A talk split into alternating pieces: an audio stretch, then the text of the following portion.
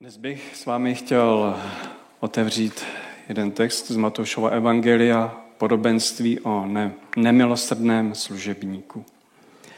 Pokud máte Bible, ať knižní nebo v mobilu, můžete eh, sledovat text se mnou. Je to Matouš, 18. kapitola od 23. verše. Pán Ježíš říká, s královstvím nebeským je to tak, jako když se jeden král rozhodl vyžádat účty od svých služebníků. Když začal účtovat, přivedli mu jednoho, který mu byl, který mu byl dlužen mnoho tisíc hřiven. Protože je nemohl vrátit, rozkázal ho pán prodat i s ženou a dětmi a se vším, co měl, a nahradit ztrátu. Tomu ten služebník padl k nohám a na kolenou prosil, měj se mnou strpení a všecko ti vrátím. Pán se ustrnul nad oním služebníkem, propustil ho a dluh mu odpustil. Sotva však ten služebník vyšel, potkal jednoho ze svých spoluslužebníků, který mu byl dlužen sto denárů. Chytil ho za krk a křičel, zaplať mi, co jsi dlužen. Jeho spoluslužebník mu padl k nohám a prosil ho, měj se mnou strpení a zaplatím ti to. On však nechtěl, ale šel a dal ho do vězení, dokud nezaplatí dluh. Když jeho spoluslužebníci viděli, co se přihodilo, velice se zarmoutili, šli a oznámili svému pánu všecko, co se stalo. Tu ho pán zavolal a řekl mu, služebníku zlý, celý tvůj dluh jsem ti odpustil, když si mě prosil.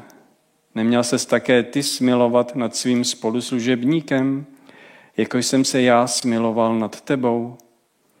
A rozhněval se jeho pán a dal ho do vězení, dokud nezaplatí celý dluh tak bude jednat s vámi i můj nebeský Otec, jestliže ze srdce neodpustíte každý svému bratru.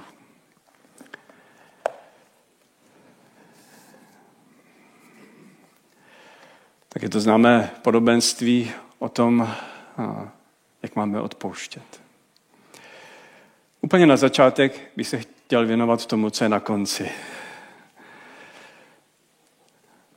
Toto podobenství eh, končí velmi závažným textem. A sice tak bude jednat s vámi i můj nebeský Otec, jestliže ze srdce neodpustíte každý svému bratru. Jak? Dá člověka do vězení. Proto je tento text tak důležitý.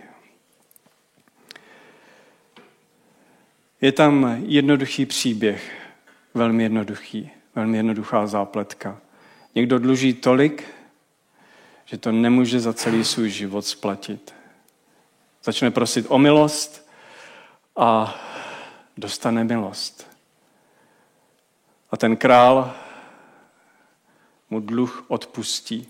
Ale sotva tento omilostněný člověk vyjde od krále, potká nějakého svého kámoše, který mu dluží pár korun a tvrdě po nich vyžaduje. A vůbec nečeká, prostě ten člověk mu to nemůže hned teď vrátit a on ho nechá dát do vězení. Když se to dozví ten král, tak se tak rozlobí a řekne, tak to teda ne, já jsem ti odpustil a ty nedokážeš odpustit i to maličko. A uvedeme ho do vězení, dokud nezaplatí. Jenže on nezaplatí nikdy zůstává ve vězení. A pán Ježíš, když říká toto podobenství, tak tam na konci řekne, dejte si na to pozor. A jestliže ze srdce neodpustíte každý svému bratru, dopadnete jako ten člověk. Tedy jsou to závažná slova. Kdo neodpustí, propadá věčnému trestu. Pomůžu si ještě jedním textem z Matouše z 25. kapitoly. Nebudeme ho číst, ale převyprávím. Je to situace, kdy přichází boží soud. A před Boha se postaví lidé. A je napsáno v tom textu, že jedni budou na pravici a druzí na levici. A teď se otevře klíč, který říká, kdo vejde do Božího království. A pan Ježíš o tom začne mluvit a řekne, to jsou ti, kteří, a teď vyjmenuje několik věcí, vlastně skutků milosrdenství, skutků projevené lásky. Řekne, to jsou ti, kteří šli a navštívili. To jsou ti, kteří darovali. To jsou ti, kteří nechtěli zpět. To jsou ti, kteří zapřeli sami sebe, kteří dali napít, když byl někdo na cestách, když byl nahý, oblékli. Navštívili, když byl někdo ve vězení. A oni žasnou, říkají, cože, to jsme my? A on říká, to, co jste totiž udělali těmto lidem, jste udělali mě. Pán Ježíš se identifikuje s těmito lidmi, kteří potřebují pomoc, kteří potřebují prokázat lásku. A na druhé straně jsou lidé, eh, kteří jsou nějakým způsobem pišní na svoji víru. Dělali jsme velké věci. V tvé jménu, pane, my jsme prorokovali, my jsme uzdravovali. A on řekne, ne, to je sice možné, ale vy jste neprokázali lásku. A tak lidi rozdělí na dvě poloviny. Je to tvrdé, černobílé, jasné slovo. A chtěl bych říci, že v tomto příkladu se mluví o ovoci života. Jaké ovoce nese člověk.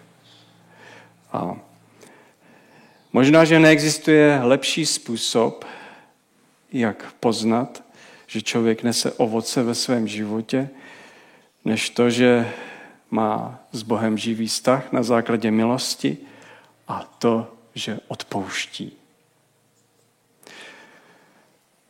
Odpuštění je alfa a omega všeho. Kdybych se vás zeptal, odpustili jste někdy někomu? Pravděpodobně ano. Nebo bych se vás zeptal, dostali jste odpuštění, když jste něco provedli? Pravděpodobně ano.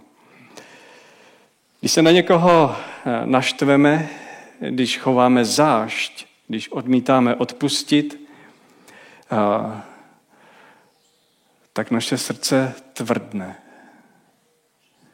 A cítíme se někdy sebespravedliví, sebestřední a jsme na cestě k věčnému trestu.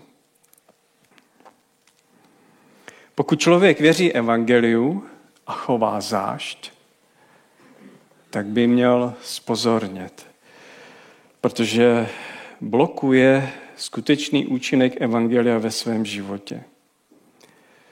A tak z duchovního hlediska je neodpuštění otázkou života a smrti. Tak závažné to je. A tak bych chtěl z toho textu uh, uh, takové tři body eh, vypíchnout.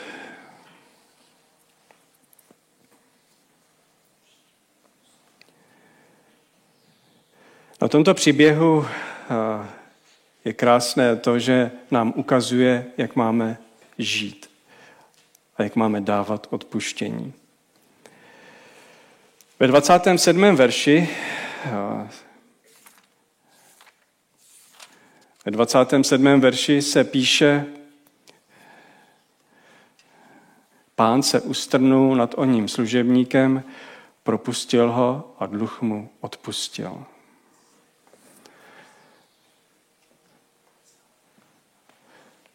Pán se ustrnul nad oním služebníkem. Je to velmi důležitá slova. ten text, který tam, to slovo, které tam je použito, to ustrnul se, je v jiných, v jiných oddílech v Novém zákoně napsáno i jiným způsobem, byl pohnut lítostí. Byl emočně pohnut nad tím člověkem, který ho o to prosil. Tedy je něco velmi důležitého skryto v tomto textu. Ustrnout se nad člověkem, být pohnut, něco velmi důležitého znamená. To znamená mít soucit s člověkem, ale nejen soucit.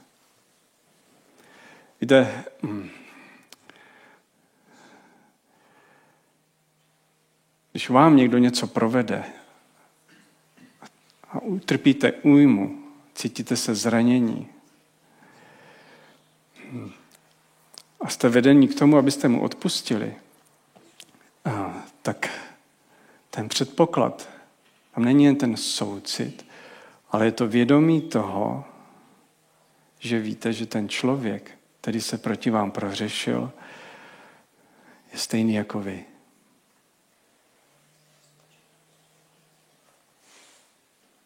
To nám nezní, to nám nezní jako nějak příjemně. Ten, kdo mi ublížil a něco mi udělal, já jsem stejný jako on. Dává to smysl? To se člověk brání, protože cítí křivdu, ale pochopme, že z duchovního hlediska před Bohem jsme na tom všichni stejně. Že totiž i my jsme schopni být stejní a možná, že jsme stejní. A že nejsme lepší než ten druhý člověk. A to, že blízkost, pochopení a porozumění a stotožnění znamená, že, že vkládám své srdce a cítím něco z toho, co cítí oni. Slitovat se nad někým, kdo vám ublížil, to je dřina. Slitovat se nad někým, kdo vám ublížil, je dřina. Není to věc, kterou by naše srdce chtělo dělat. My vždycky chceme zvýraznit ten rozdíl. Já nejsem jako on. Já bych tohle nikdy neudělal. Slyšeli jste to někdy? Bych se takhle nikdy nezachoval. Bacha na to. Neznáte svý srdce. Jsme schopni těch nejhorších věcí. A tak to, co člověk musí udělat v tomto textu, je, eh, pokud se chce vyhnout vězení, hněvu, že se musí s člověkem stotožnit a říct, jsem stejný.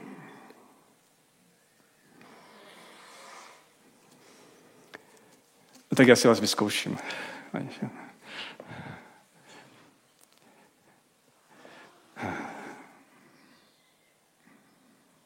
Když vám někdo zalže, to je hrozný, že vám někdo zalže. Že vám nikdo neřekne pravdu a zalže. Co si o něm myslíte? No to je lhář. To je jednoduché. Ta rovnice je jasná. On zalhal, tak je lhář. A v mých očích klesnul. Zalhali jste někdy? Si dali tělocvik, kdo zalhal. Tak zvedněte ruku, kdo zalhal někdy v životě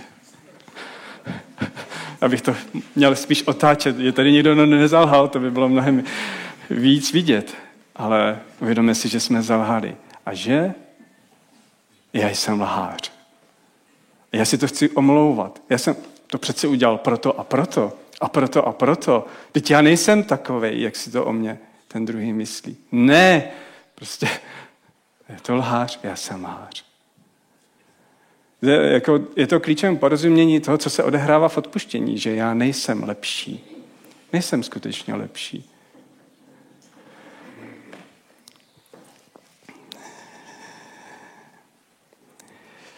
Tak to je první věc, co člověk musí udělat. Druhá věc eh, je zrušení dluhu. Tam je napsáno, ustrnul se nad jedním služebníkem, propustil ho a dluh mu odpustil.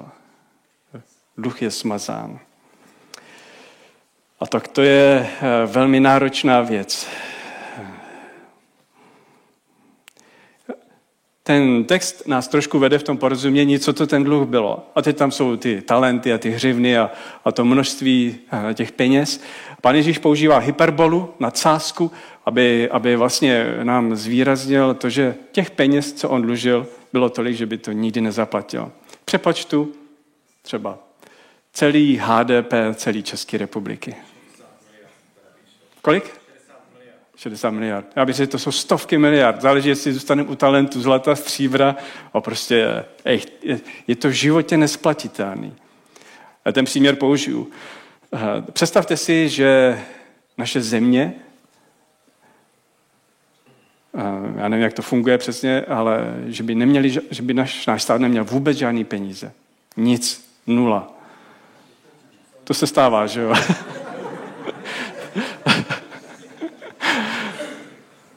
to živé, aktuální, ale nepravdivé příměry, ale a nemůžeme se dostat do politiky. Ale e, je zde snaha vyčíslit něco nevyčíslitelného. Že prostě není možný to splatit. A takže co ten panovník, co ten prezident, co ta vláda, co ten ministr financí, co všichni tihle, co ten král na sebe bere? No to není, že se to škrtne. Veď oni potřebují státní zaměstnanci ty peníze a já nevím, co všechno. A potřebujeme na sociální oblast a tamhle to a stavět silnice a, a tamhle to. Prostě on to odepsal, ale, ale ta újma tam zůstává. On to odepsal.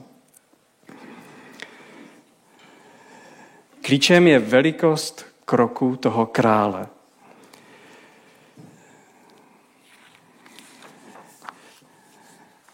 Takže ten král nějakým způsobem ten dluh sám absorboval do sebe.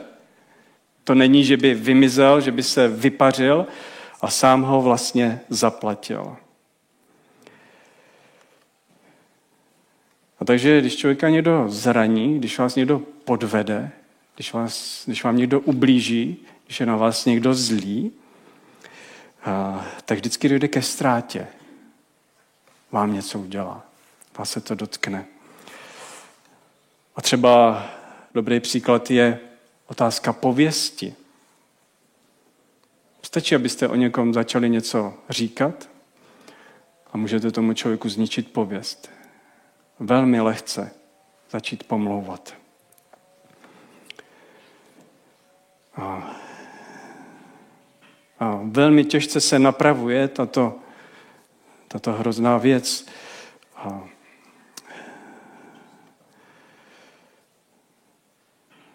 tak eh, jako lidé reagujeme nahněvaně a chceme odmítnout to, když nám někdo ublíží a chceme vynadat a, a bráníme se a někdy propadneme sebelítosti nebo sebespravedlnosti a, a jak mám odpustit, když někdo pomluvil. A řekněte, co se dá odpustit člověku, který mě zničil život, který o mě prohlásil něco, co není pravda?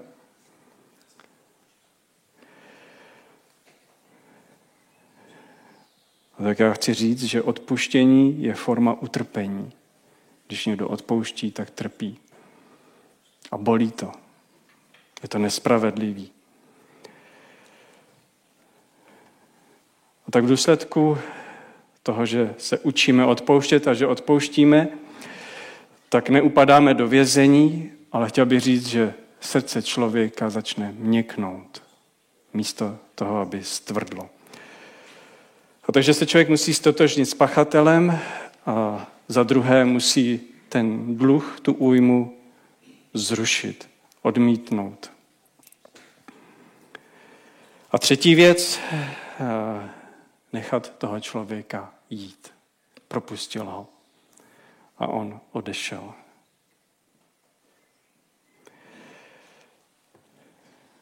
A tohle je pro některé lidi problém. Když někomu odpustíte za něco, co vám udělal, tak víte, jak lidé, jak lidé fungují? Někomu jinému, druhému řeknou, hele, dej si na něj pozor. On mě udělal tohle a tohle. Já jsem mu sice odpustil, ale ten člověk není důvěryhodný. Tomu se nedá moc věřit. A tak se někdy zkusíme ještě nějakým vnitřním způsobem pomstít a nedokážeme někdy toho člověka propustit. A víte, jak to funguje v realitě? Že má člověk třeba jízlivé poznámky, že vytahuje minulost, že si furt připomíná a furt mu něco běží. A tak já znám lidi, kteří říkají, já jsem odpustil, ale nezapomenu. Já jsem odpustil, ale nezapomenu. No samozřejmě, člověk nemůže zapomenout. Bychom byli naivní. My nemáme vygumovanou paměť. A jizvy zůstanou. Jenomže pozor, jestli rozumíme správně odpuštění, tak ty jizvy nebolí. Oni zůstanou. Oni nám můžou něco připomenout. A celý život, že se něco stalo, něco se poškodilo, to, to prostě zůstává někdy. Ale skutečné odpuštění je ještě někde jinde. Já jsem to propustil ze své mysli, ze své hlavy, já jsem to odezdal. A tak já slyším lidi, kteří říkají, já jsem odpustil, ale nezapomenu. A oni to řeknou takovým tónem, že víte, že oni vlastně neodpustili. Oni si tu křivdu nesou sobě. A to můžete mít stek na kohokoliv. Na kohokoliv. To se dá vyjmenovat tolik, tolik věcí. Někdo může na svého partnera, na své děti, na své sousedy, na minulý režim, dokonce na Pána Boha. Pán Bůh by někoho vzal. A říká to takovým způsobem, že víte, že Pánu Bohu neodpustil. A dostal se do vlastního vězení a celý jeho život určuje to, že se potřebuje pořád pracet a vyrovnávat a nese si tu křivdu sobě. Znáte takový lidi? Máme možná, no. Máme. Je to velmi důležité vnímat, co, co, co to odpuštění skutečně znamená. Nutíme člověka, aby zaplatil dluh a my víme, že nás nikdy neposlechne.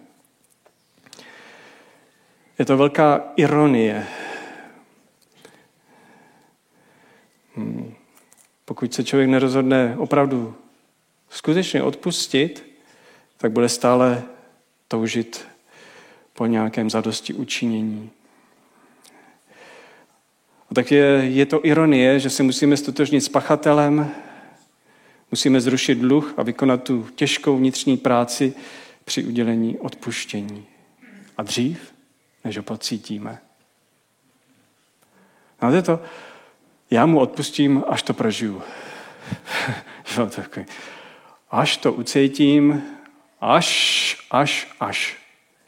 A někdy to není nikdy. Ale Pán Bůh nás učí, že kdykoliv postáváme ke svým modlitbám, máme, máme eh, odpouštět. A se budu blížit k závěru a chtěl bych vám říct, jaké máme zdroje a vůbec možnost odpuštění. Jsou to dvě, dvě důležité věci. Máme společenství a je tu Kristus.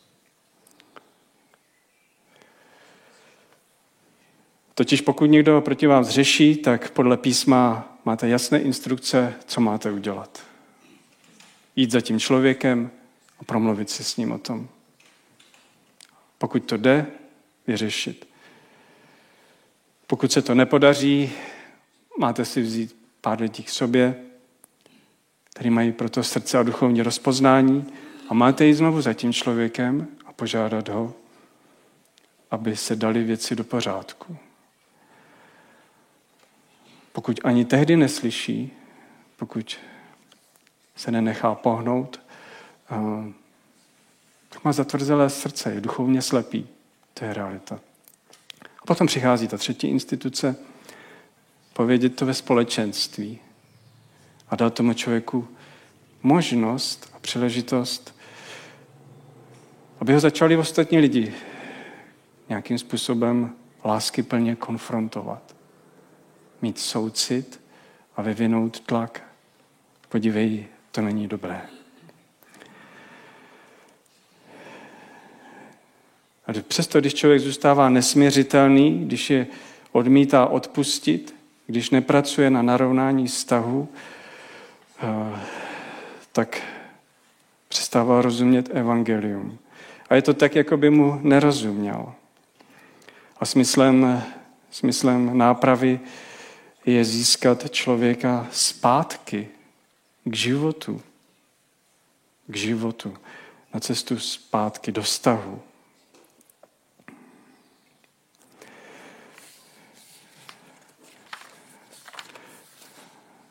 Mám tady jeden příběh, skutečný příběh. Je to příběh eh, z druhé světové války. Někteří z vás ho znají a jednou jsem ho už tady kdysi vyprávěl. Cory ten boom, holanděnka,